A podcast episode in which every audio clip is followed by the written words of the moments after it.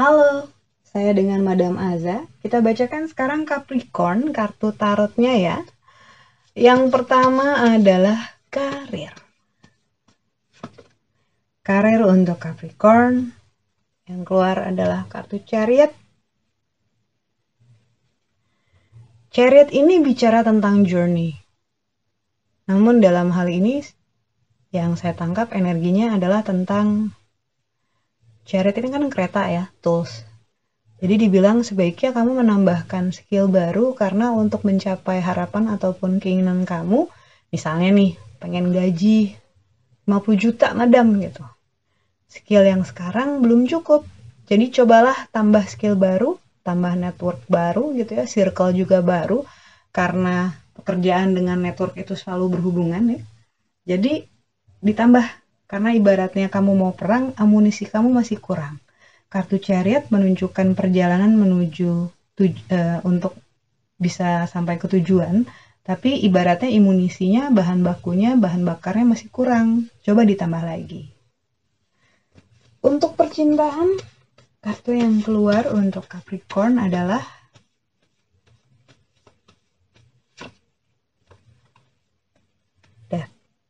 transformasi. Ini perubahan yang signifikan dalam hal percintaan bisa jadi ada distance ataupun jarak antara kamu dengan pasangan gitu ya. Karena ini menunjukin perubahan dari terang ke gelap ataupun gelap ke terang.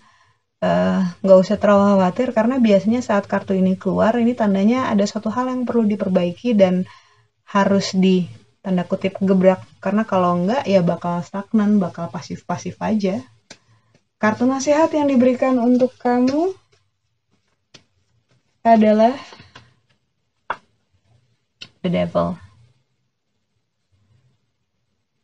The devil ini artinya sesuai dengan namanya ya, the devil.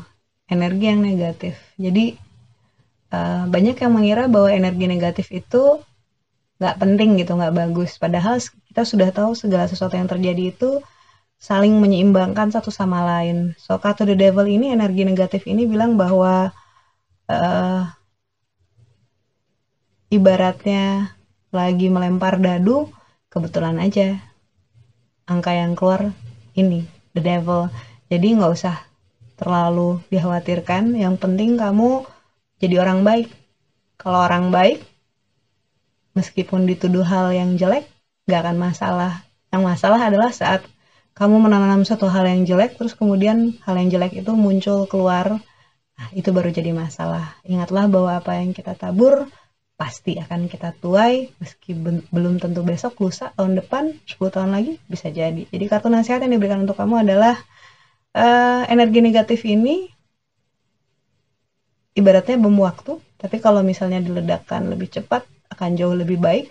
Tidak usah khawatir kalau misalnya kamu tidak melakukan hal yang buruk tapi kalau misalnya kamu melakukan hal yang buruk kemarin-kemarin anggap saja ini adalah bayar utang. Sekian bacaannya. Terima kasih. Jangan lupa untuk subscribe, like, dan share.